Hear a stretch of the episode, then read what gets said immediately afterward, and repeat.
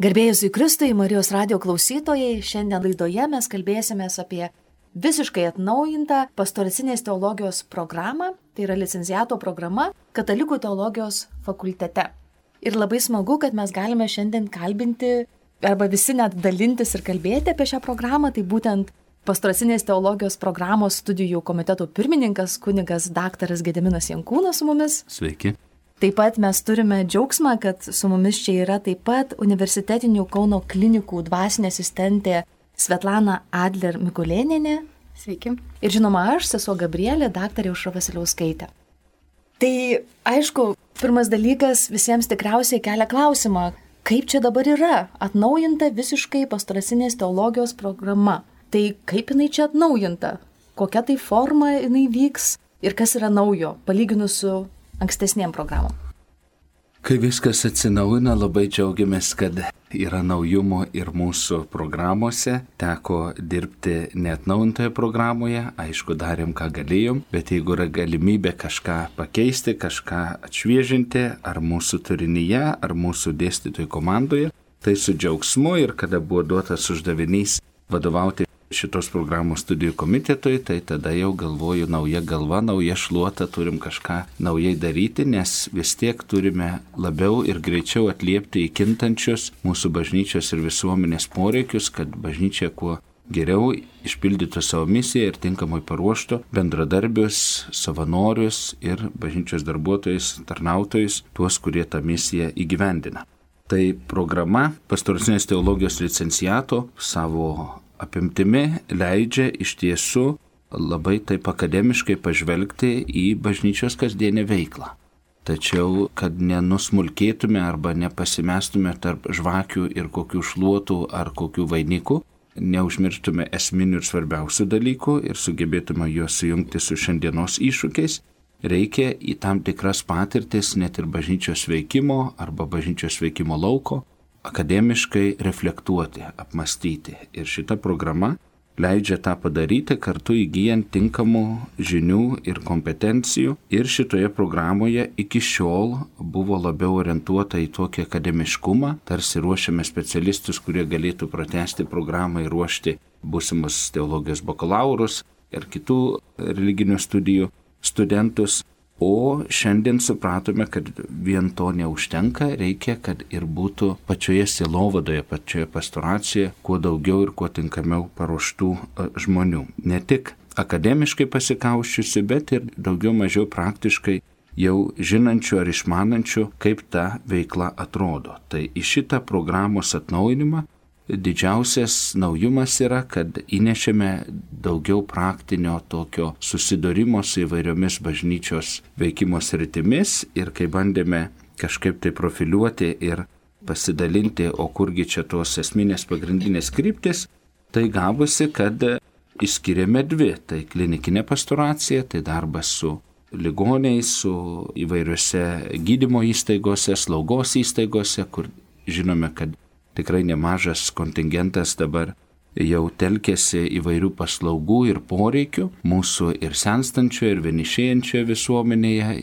ir įvairių lygų ir priklausomybių galbūt kamuojamoje, tai ten irgi reikalingas Dievo veikimas. Neužtenka vien tik tai remtis naujausią mediciną, naujausiais pasiekimais, bet reikia įnešti ir Dievo vaizdos meilę, gailestingumą, jo bažnyčios prisilietimą prie tų mūsų žaizdų, kurias viešpats atėjo aišku ir nori gydyti ir mus keisti. O kitas rytis nemažiau svarbi, jai šiek tiek kliūva, kai nekur, kai apie ją pašnekam, bet praktikoje susidurėm, kad ten, kur jos nėra gerai išvystyta, bažnyčios veikla labai rimtai ryškiai šlubuoja, tai yra organizacinė vadybinė silovados pusė, kur iš tiesų suprantame, kad ten, kur veikia žmonių grupė, yra tam tikri tos grupės veikimo dėsniai, yra tam tikri uždaviniai, tikslai, iššūkiai, galimybė pasitikrinti, tam tikra kontrolė reikalinga, kad ta veikla būtų ne kažkokia chaotiška, bet tikrai tikslinė ir tie labai riboti žmonių ir kitokie resursai būtų labai tikslingai panaudojami bažnyčios misijos ir dangaus karalystės statyboje. Taigi kita praktinė dalis, kad bus galima susipažinti daugiau su įvairiomis bažnyčios veikimo sritimis ir aptarti jas organizaciniai, tai yra vadybiškai ir kaip galima tinkamiau pasiruošti atsiliepti. Tai pradžiai tokia intrigai ir pasmaguriavimui tiek. Tai galima būtų iš tikrųjų dar pratesti, kalbant apie pačią programą, kad tikrai yra labai šaunu, kaip ir užsiminė kunigas Gedeminas, kad į dėstytojų komandą tikrai įsijungia labai šaunus profesionalai, galėtume sakyti, savo sričių. Tai tikrai džiaugsmas, kad mes turėsime būtent, jeigu kalbam apie klinikinę pastoraciją, tai turėsime tokius dėstytojas kaip gydytoja Ligita Riliškytė, taip pat ir profesionalą psichoterapeutą Gintautą Vaitošką.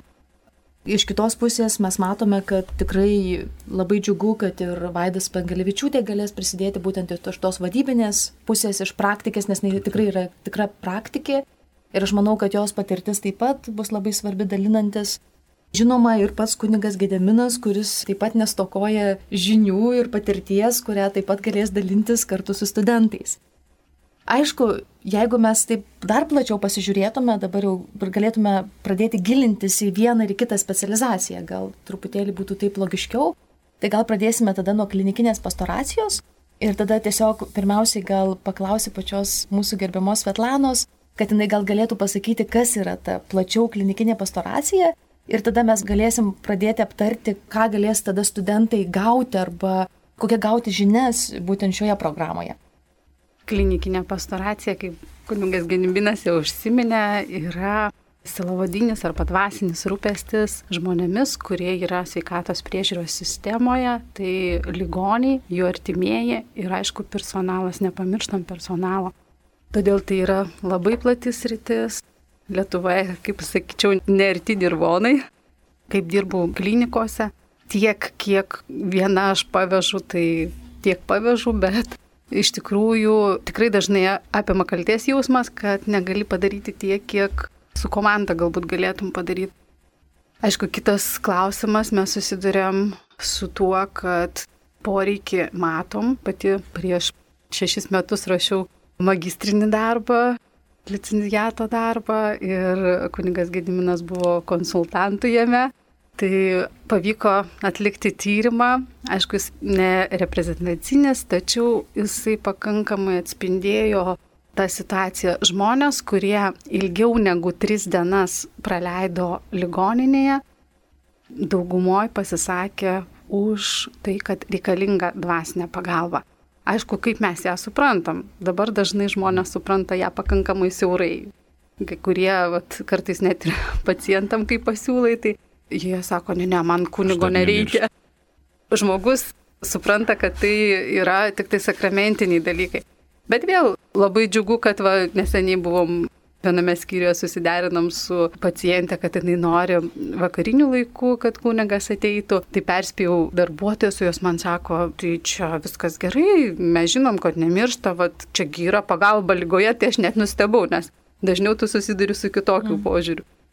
Tai iš tikrųjų švietimas veikia, tas poreikis jisai stiprėja ir labai džiaugiuosi, kad atsiranda galimybė ruošti tokius žmonės. Tik aišku, kitas iššūkis bus kalbėti su gydymo įstaigom dėl etatų, nes šiai dienai bažnyčia galbūt neturi ką pasiūlyti, bet ne visos gydymo įstaigos yra atviros tam.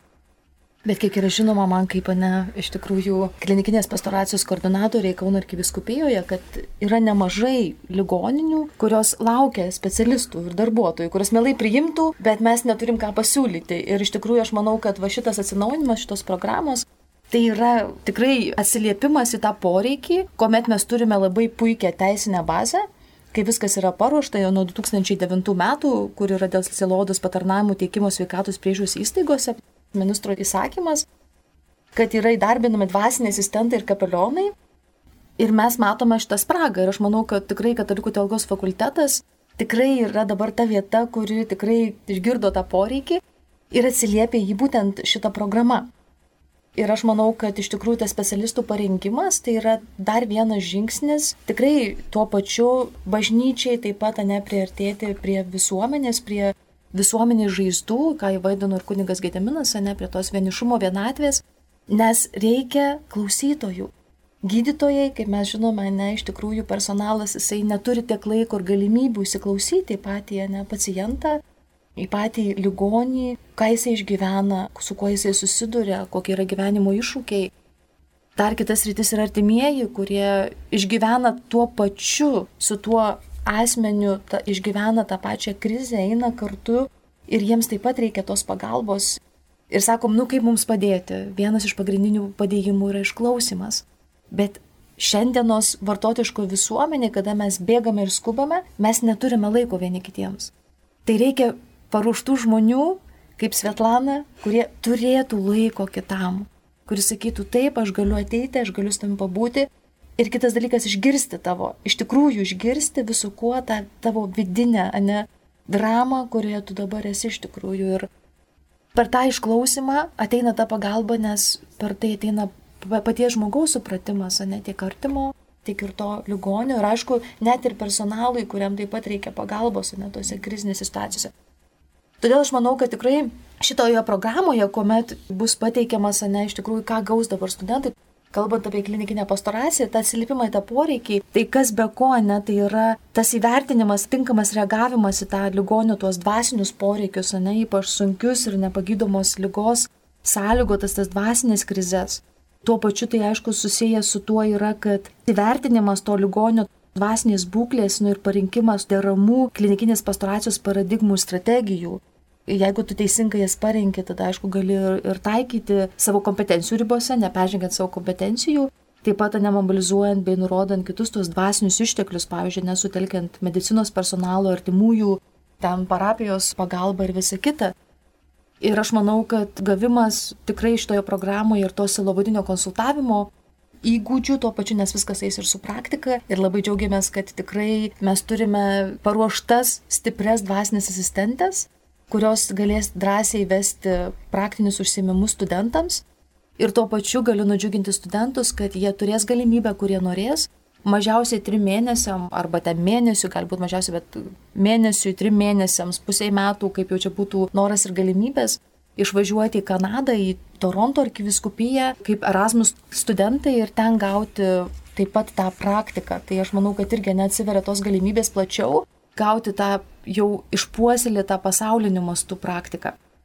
Taip pat labai nuostabu, kad mes vis dėlto turime mūsų buvusį chirurgą, gydytoją, profesorių dr. Andrių Norbekovą, kuris iš tikrųjų tikrai gali drąsiai kalbėti ir apie etinius dalykus, kurie yra susijęs su medicina, ir tuo pačiu tikrai plačiau pristatyti ir tą kančios teologiją, kas manau taip pat yra labai svarbu.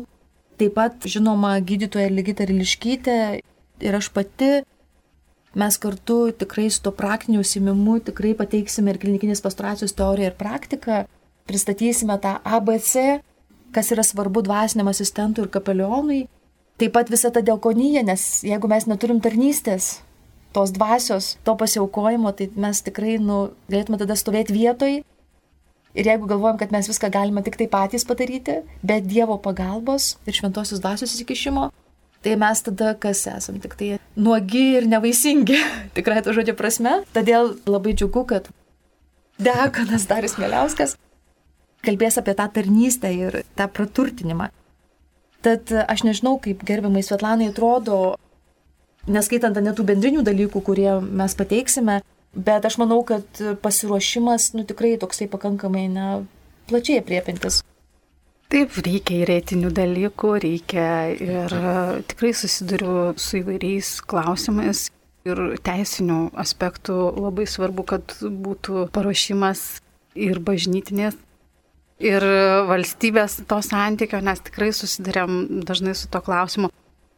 Ir tai, ką sakė sesė Gabrielė, įvertinimas dvasinių dalykų, bet labai svarbus dar tarp religinis dialogas, nes gyvename multikultūriniai visuomeniai ir e, va šitas va supratimas, kad aš galiu būti kataliku, bet galiu padėti ir kitą religiją arba netikinčiam žmogui įvertinti, ko žmogui reikia. Pavyzdžiui, buvo viena situacija, kai į vieną palatą nešiau moterį komuniją, o kitai bandelę iš valgyklos. Ir tai, kuriai atneždavau bandelę, visą laiką nušvisdavo ir sakydavo, jūs man atnešėt dangų kartais mūsų poreikiai skirtingi ir dvasinis asistentas neteisdamas turi atliepti juos. Ir vat, kaip minėjai, ta kančios teologija, mhm. svarbu ją suprasti ir po to svarbus dalykas ją taikyti Nes dažnai, kai susidurėm su žmogum, pažiūrim jo gyvenimą, labai norisi paauklėti. Tarp kitko ir su kapelionais, kada kapelionai labai norėtų paauklėti žmonės arba nu, vat, kiti, vat, kurie veržėsi tapti dvasiniais asistentais, mhm. kartais pašnekam, kaip turi būti. Bet vis dėlto ligoniniai yra gailestingumo vieta. Tai mes turime nevertinti, o būti ir vykdyti tą tikrąjį gailestingumą. Man labai patiko, kaip teko studijuoti truputėlį Toronte ir viena profesorė mums pasakė tokį palyginimą ir man jis labai giliai širdyje įstrigo. Jis sako, jūs turite ateiti prie kiekvieno žmogaus, kaip mozė atėjo prie degančio krūmo, nusevė batus. Neiti su purvinais batais į to žmogaus vidų.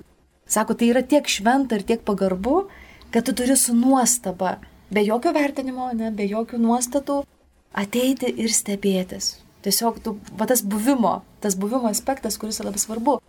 Ir aišku, nėra lengva, mes tada turim krizės, ne, kai žmogus išgyvena krizę, tiek jis, tiek ir artimieji, ir pats personalas kartais neišgyvena krizę. Ir tada kaip tau va išbūti, toj ramybėje, nepasimesti. Ir tai yra nuostabu, kad šitoje programoje tikrai va bus ir dėstomas toks dalykas, kaip rengimas santokai ir šeimos krizių prevencija. Tai sprendimas krizių, va irgi iš tos praktinės perspektyvos tada ką daryti, kaip man reaguoti susidūrus su krize, kaip man tada padėti kitam žmogui ir ne pačiam pasimesti. Nes jeigu aš pats pasimetu, tai irgi, nu, aišku, mes negalime numatyti nes situacijų, kokių gali būti. Bet kai aš žinau tuos bent pagrindinius ABC, man yra truputėlį lengviau. Aš žinau, kad man nereikia stebėtis, kad jeigu kažkas yra netikėto, nes aš maždaug galiu nutuokti, kad gali taip atsitikti, ne, iš, iš visų kaip skaitos teorijos. Tai va tai tikrai profesorė Birutė Beleninė tikrai, aš manau, puikiai su pagalba dar ne praktinių dalykų, tikrai puikiai pateiks tas prevencijų sprendimo būdus ir visa kita. Tai va, tai ta klinikinė pastoracijos pusė, jinai tikrai ne atveria plačias galimybės iš tikrųjų būti pasiruoštiems. Ir aišku, labai yra svarbu, kad vis dėlto vienai par kitaip, be šitų dalykų dar bus pasiūlyta ne grinai trijų mėnesių praktinė dalis, kada tu gali po to gauti vyskupo kanoninį siuntimą būtent šitai tarnystėje. Tai va, aišku, dar paskui mes truputėlį dar sugrįšime, ne, prie studentų, ne, kaip jiems ten reikės rinktis ir visa kita, bet gal dabar galima perėti truputėlį prie vadybinės, ne, tos pusės, prie tos specializacijos, kada yra kalbame apie silovadinės veiklos organizavimą. Nes mes klinikinėje pastoracijoje labai aišku, ne, kad turim specializaciją dvasinio asistento ir kapeliono, O dabar, vad kaip yra su salonės veiklos organizavimu, tai galėtų nebūti kurijos, salovadinių centrų, dekanato darbuotojų, parapijos referentų, salovadinių programų vadovų, koordinatorių, ne visokiausi parengimai. Tai Lygiai taip pat ir dvasinių asistentų, nes tai, ką aš girdžiu, mielas kolegas, kalbant, jūs iš tiesų kalbate ir vadybinius dalykus. Neužtenka būti gerų žmogumi šiandien, kad galėtum suteikti profesionalią dvasinę pagalbą. Šiandien yra labai daug reglamentuotų santykių, labai reglamentuotos aplinkos ir ten belekas su bet kokiais kaliošais įeiti negali ir vien gero žmogaus neužtenka, mes ir juokimės geras žmogus ne profesija. O čia vis dėlto bandome kažkaip tai į save pozicionuoti kaip tinkamai paruoštus tam tikros ir tie specialistus ir mums reikia tinkamo pasiruošimo yra tam tikri ABC elementarūs, kuriuos reikia žinoti, reikia girdėti, nes susidurėme su žmonėmis, kurie yra ribinėse situacijose, kurios, kaip žinome, yra labai ambivalentiškos ir juose daug gali pokyčių įvykti ir jeigu netinkamai tose situacijose bus elgiamasi, tai ta geras noras gali baigtis nelabai teigiamą patirtimi. Tai visa šita programa, tai ką jums pristatė ir ką mes čia kalbėjome ir dar kalbėsime, orientuoja, kad ta tarnystė būtų, kad žmogus būtų pasiruošęs. Jis aišku visko nežinos, daug dalykų išmokstama tiesiog praktikoje, bet bent jau žinos tuos pamatinius, stuburinius dalykus, kuriais remiantis galima savo praktiką, gerąją praktiką statyti, o blogąją praktiką pasitaikys ir tokios, atitinkamai įvertinti ir tada daryti reikalingus pokyčius. Tai čia jau yra vadybiniai dalykai, yra organizaciniai dalykai ir džiaugiuosi, kad e, dalyvaudami pastoracinės teologijos šitoje licenciato programoje žmonės išklausys bendruosius dalykus, kur profiliavimas į vieną ar kitą specializaciją ateis tik tai paskutinėje pirmų metų dalyje. Ir antruos metus bus galima labiau pasirinkti, ar tai bus kursai susijęs su klinikinė pastoracija, ar vadinasi su vadybinė. Čia gal daugiau į darbą orientuota, į baigiamą į darbą, kuris kažkaip tai ir pasakys, kokioje srityje daugiau studentas, e, būsimas licenciatas, telks savo dėmesį ir kaups savo žinias. Bet va tos bendrosios, kurios šiandien reikalingos, nes tam mums pagelbės ir profesoriaus Rimanto kunigos Kinkaičio krikščioniška antropologija postmodernioje visuomenėje kursas, kuris supažindys, su kokie aplinkoje mes iš tiesų veikiame o kokios jėgos, kokios filosofijos yra vyrojančios ir kai susidurėme su žmonėmis, jie vis tiek nori, nenori, sąmoningai, nesąmoningai atstovauja kažkokią mąstymo mokyklą. Ir toje mąstymo jų mokykloje arba laikysenoje gali vykti konfliktas, kada jie susiduria su tikrąja krikščionybės tiesa, su tikrąja krikščionybės žinia. Vėlgi neturi būti pateikta kaip laktukas per galvą ir tada jau čia visi tampa gerais katalikais krikščionimis, tą, kaip Svetlana minėjo, kad reikia sutikti žmogų ten, kur jis yra, su jo situacija įsigilinti ir paskui tada atitinkamai matant, kiek ta situacija yra problematiška ir kur galima pagelbėti, kad atvesti žmogų į tam tikrą tiesą apie save, apie Dievą, apie savo santykius ir kartu į tą sielos ramybę, kurią tik Dievas gali dovanoti per savo galestingą meilę ir bažnyčios veikimą. Dar vienas dalykas vadybinės, ką aš girdžiu, tai buvo užsiminę daugiau kalbate apie Kauno arkiviskupijos ir galbūt Kauno miesto ir srities gydymo įstaigas, bet aš atstovauju rajoną, pavyzdžiui, Panevižio rajoną. Tai irgi žinau, kad administracijose gydymo įstaigų jau gimsta supratimas, kad yra tas holistinis požiūris į žmogų, kad neužtenka tik tinkamą tabletytę paduoti arba kažkokią gydimo procedūrą, kad reikalinga tiesiog būti su žmogumi ir atliepti ir į kitas ir dvasinės jo reikmes. Čia jau vėl vadybiniai dalykai. Čia kaip kokioj komercijoje. Jeigu tu kaip verslininkas greičiau už kitus spėjai pastebėti, koks gali būti poreikis ir tinkamai jį atliepti, tai gali būti, kad tu greičiau produktą patieksi, negu atsiras supratimas, kad to produkto reikia. Bet kaip produktas yra tinkamas, tai ir supratimas labai greitai ateina. Tai aš manau, kad įstaigos patyrę dvasinių asistentų kapelionų reikiamą tą pagalbą, profesionalią pagalbą, tiesiog labai natūraliu būdu viena kitos klausydamosis, viena kitą lankydamos supras, kad ir jiem reikia tokio specialisto ir neužtenka jį turėti savanoriškais pagrindais, nes vis dėlto galiausiai, kai susipažįstame su programa ir visais poreikiais ir reikalavimais suprantame, kad tai vis dėlto yra darbas, kad jis turi būti atlygintas, tinkamai oriai atlygintas ir tada įstaigos vėl atitinkamai savo vidiniuose resursuose ar kažkur žiūrės ieškos tų lėšų, kad kažkokią tai etato dalį ar galbūt ir visą etatą galėtų tokį žmogų savo įstaigoje turėti, nes jis tikrai priduos didžiulę vertę tai paslaugų puokštė, kurią ta medicinos vienokia ir kitokia įstaiga teikia. Tai čia vėlgi šiek tiek vadybiniai dalykai. Ką aš noriu pasakyti, kad kažkodėl bažnyčios susiformavęs požiūris yra, kada pamini vadybą, pamini managementą, dar kažkokius organizacinius dalykus. Tai čia kažkas tai svetimo labai yra pasaulietiško, o mes čia bažnyčioje viską tik malda įsprendžiam ir šventoji dvasia ten kažkur plevena tarp mūsų ir viskas pasidaro. Bet popiežius Benediktas XVI savo enciklikoje Dėjus Caritas est Dievas yra meilė yra pasakęs, kad meilė būtų efektyvi, turi būti gerai organizuota. Tai organizaciniai dalykai ir yra vadybiniai organizaciniai dalykai, kada mes suprantam savo kitų kompetencijos veikimo ribas ir tuose ribose galim bendradarbiaudami tinkamai išpildyti misiją ir uždavinį, kuris visada pranoksta vieno žmogaus gebėjimą ir vieno žmogaus supratimą. Tai aš dabar, žinot, beklausant kunigo Gedemino, man kilo tokia mintis, aš dabar būdama studentė, sakyčiau, ką man dabar daryti, jeigu aš noriu, pavyzdžiui, klinikinės pastoracijos nuspecializaciją rinktis, bet aš noriu girdėti ir vadybinius dalykus, tai aš galiu tai tikrai nuraminti studentus, kad iš tikrųjų jie viską girdės. Visi visur galės dalyvauti, nes, kaip matėte, šitos specializacijos yra iš tikrųjų tampriai susijusios. Tik taip per savo, vad būtent baigiami licencijato darbą, jie galės pasirinkti, nelabiau pasigilinti į tą teorinę pusę.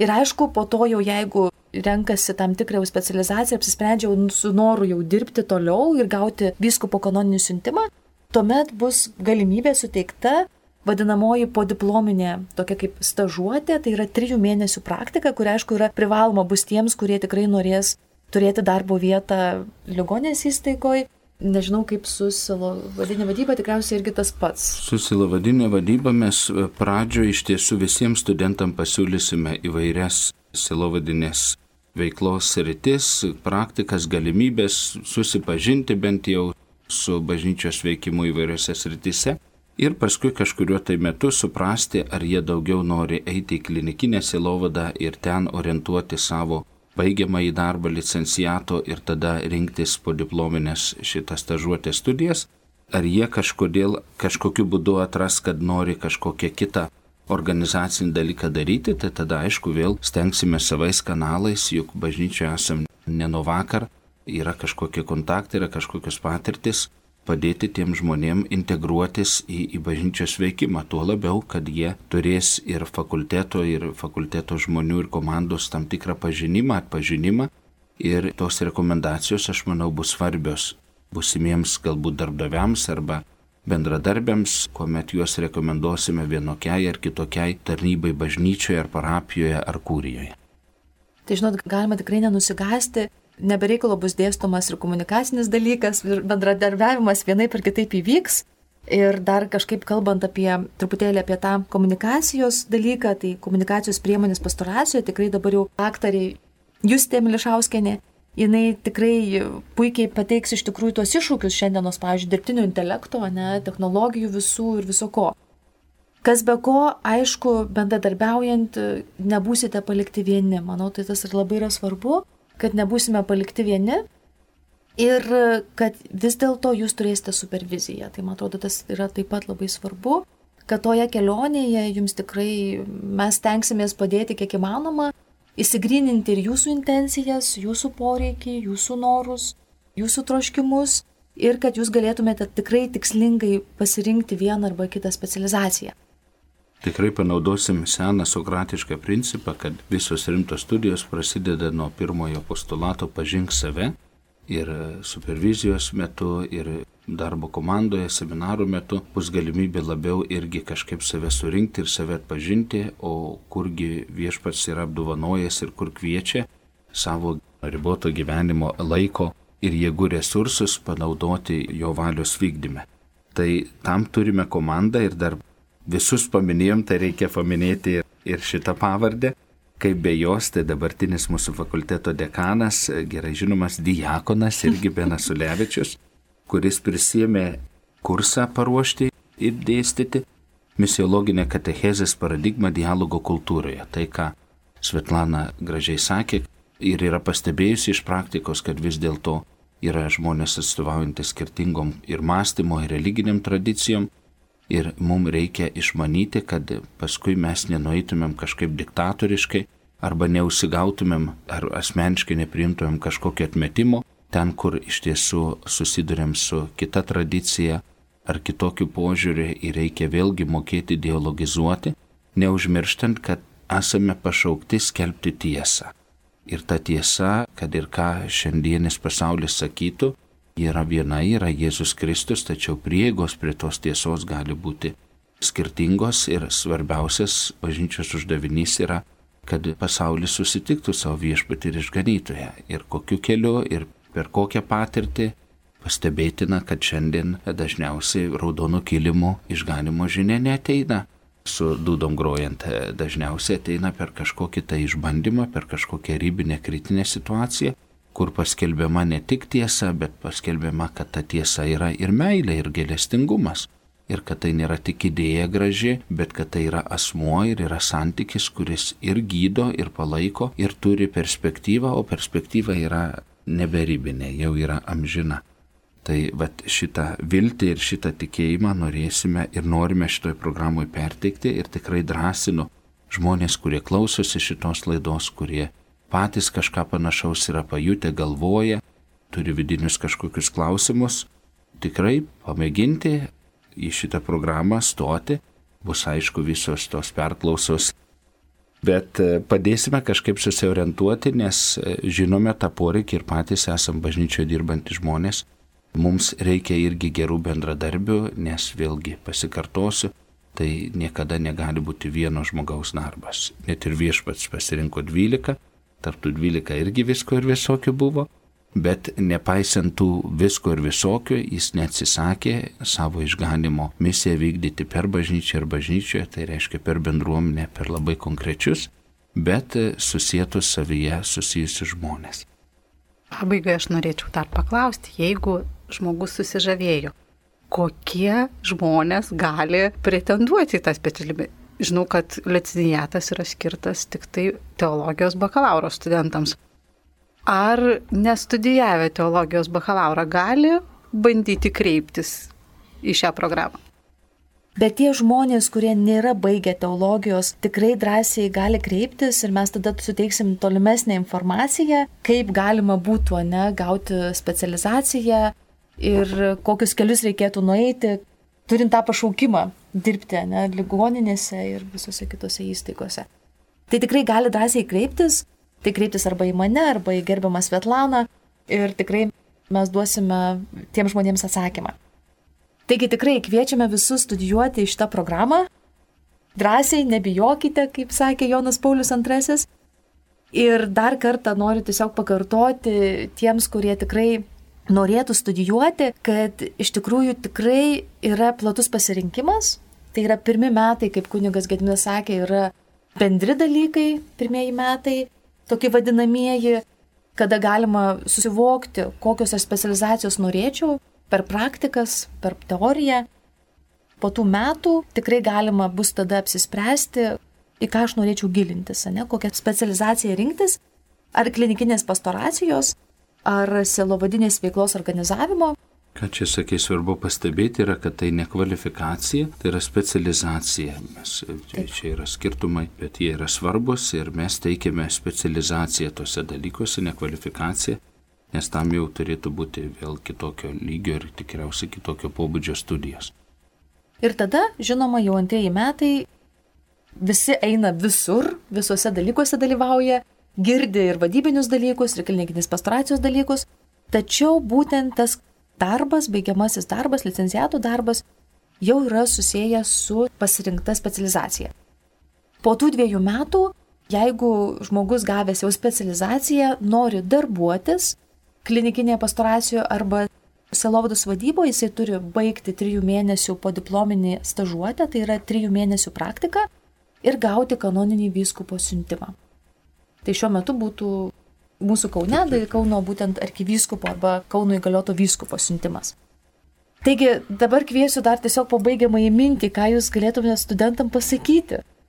Drąsos ir atpažinimo ir kartais kaip teologijos buvusi studentė galiu pasakyti, nebijokit eiti vandeniu, nes jeigu galvojat, kad tai jūsų pašaukimas, tai gali būti sunku, bet Jėzus visą laiką išties ranką, jeigu mes eisim to vandeniu. Man labai gražu, kad Svetlana buvusi studentė ir mano studentė ir dabar praktikoje esanti, tikrai rimtoje praktikoje, universitetinėse klinikose Kauno dirba. Jinai neįsižada akademinio kelio, jinai supranta, kad vis dėlto tos žinios, ta programa, kurią praėjo, ji nebuvo tobula, ten visko nebuvo, ko reikėjo, bet dabar yra galimybė įnešti savo indėlį ir pasakyti, ko tikrai reikia ir pagal galimybės bažnyčia mėgina atliepti. Kaip sakiau, čia programa tokiame procese yra tobulėjimo procese kaip ir visas pasaulis, visos specializacijos nieko nėra iki galo tokio nekintamo. Tai man džiugu ir tai yra įrodymas, kad vis dėlto esame geram kelyje, reikalingas akademinis ir praktinio pasaulio bendradarbiavimas kad galiausiai mes turėtumėm tą reikalingą šiai dienai ir šiandieno žmogui patirti, sąlytyje su bažnyčia ir su tuo, ką bažnyčia gali ir nori atlikti, pagelbėdama tiem žmonėms ir vykdydama savo misiją ir savo pastoraciją ir silovadą. Aš dar norėčiau pasidžiaugti, kad mes iš tikrųjų bendradarbiavame su Toronto arkiviskupija ir kad tikrai yra plačios galimybės ir laikui bėgant gali būti, kad ir profesūra atvažiuos ir iš Toronto pas mus Tai, žinau, dabar toksai pirminis, ne, yra pirminė banga, bet tikrai kvieščiau šiandienoje iš tikrųjų, arba šiandien galima sakyti, tam bėgančiame pasaulyje mes nesustojame, aišku, mes klausomės kartais tų netikrų balsų. Tai aš gal kvieščiau įsiklausyti į savo širdį, į savo troškimą, kur mane Dievas kviečia, kur mane Dievas kviečia iš tikrųjų. Ar aš tikrai nesu tas bailys, kuris iš tikrųjų renkuosi kartais tą saugesnį ne variantą, o ne tai, kas mano širdyje būtų, kur aš galėčiau atsiliepti į tą Dievo kvietimą ir save padovanoti kitiems. Tai tikrai kvieščiau visiems pamastyti ir būti tais degančiais žiburiais pasaulyje, tie, kurie iš tikrųjų neša tą vėliavą, Kristaus vėliavą prieš akiją ir liūdija kitiems, liūdija kitokį gyvenimą. Tai tikrai ačiū labai.